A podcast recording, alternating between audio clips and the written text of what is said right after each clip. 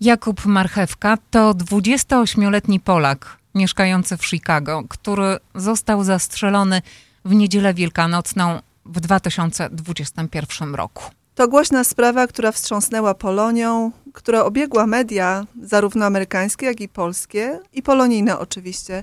Do zdarzenia doszło w zeszłym roku, w niedzielę wielkanocną, na północnym zachodzie Chicago. Joanna Marszałek, redakcja Dziennika Związkowego, osoba, która śledzi te wydarzenia od samego początku. Ta sprawa ciągle trwa. Chodzi oczywiście o sprawę sądową. Przypomnijmy, kto został zatrzymany i o co został oskarżony. Ta sprawa nie tylko dalej trwa, ona się tak naprawdę jeszcze nie zaczęła. Bo przez Masz ten... na myśli proces sądowy. Tak.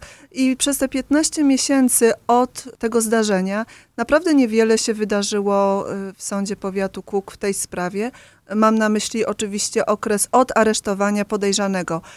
Więc podejrzanym w tej sprawie jest 25-letni w tej chwili Everardo Olmos Baka, który został aresztowany około miesiąca po zabójstwie w maju zeszłego roku i od tego czasu przebywa w areszcie powiatu Cook przy 26 i Kalifornia w Chicago.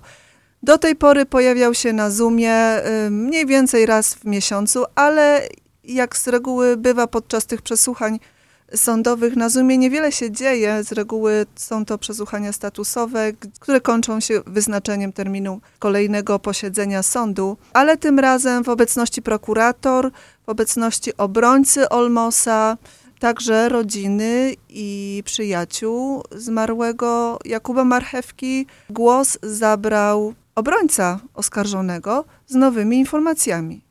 Obrońca oskarżonego Everarda Olmosa. Ustalmy jedną rzecz. On przebywa w areszcie, dlatego że po aresztowaniu sąd nie zgodził się na kaucję. Dokładnie tak było.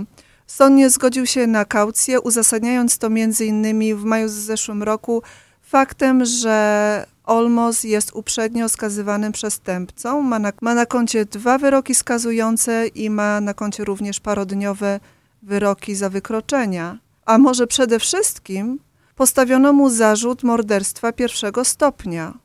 W przypadku tego zarzutu, jak mówiła prokurator w poniedziałek 11 lipca, taki zarzut w tym konkretnym przypadku wiąże się z obowiązkową odmową kaucji. W swoim najnowszym artykule poświęconym właśnie sprawie zabójstwa Jakuba Marchewki szczegółowo opisujesz to całe posiedzenie sądowe z 11 lipca.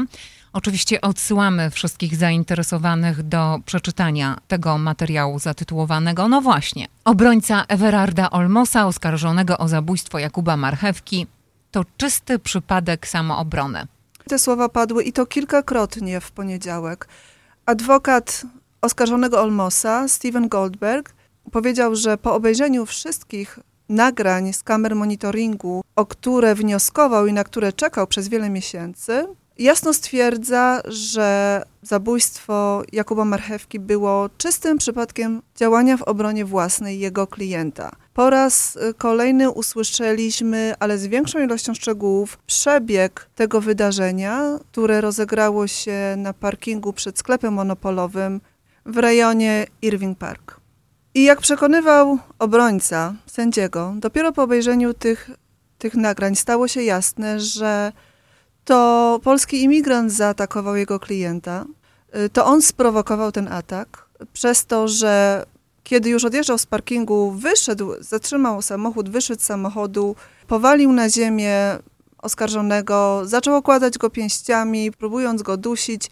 I w takim przypadku jego klient nie miał innego wyjścia, jak tylko użyć broni, którą miał przy sobie. To jest relacja jeszcze raz obrońcy, osoby oskarżonej w związku z morderstwem Jakuba Marchewki, tak?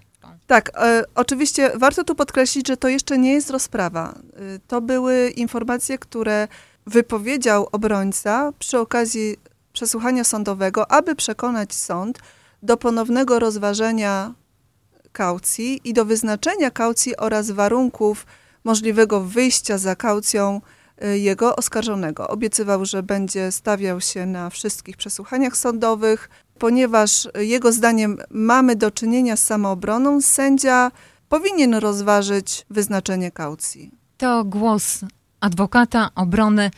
Co na to wszystko prokuratura, która rozumiem jest przeciwna temu, by Olmos wyszedł na wolność za kaucją, jakakolwiek by ona nie była i by na wolności oczekiwał na swój proces. Tak, prokuratura oczywiście się z tym, z tym nie zgadza.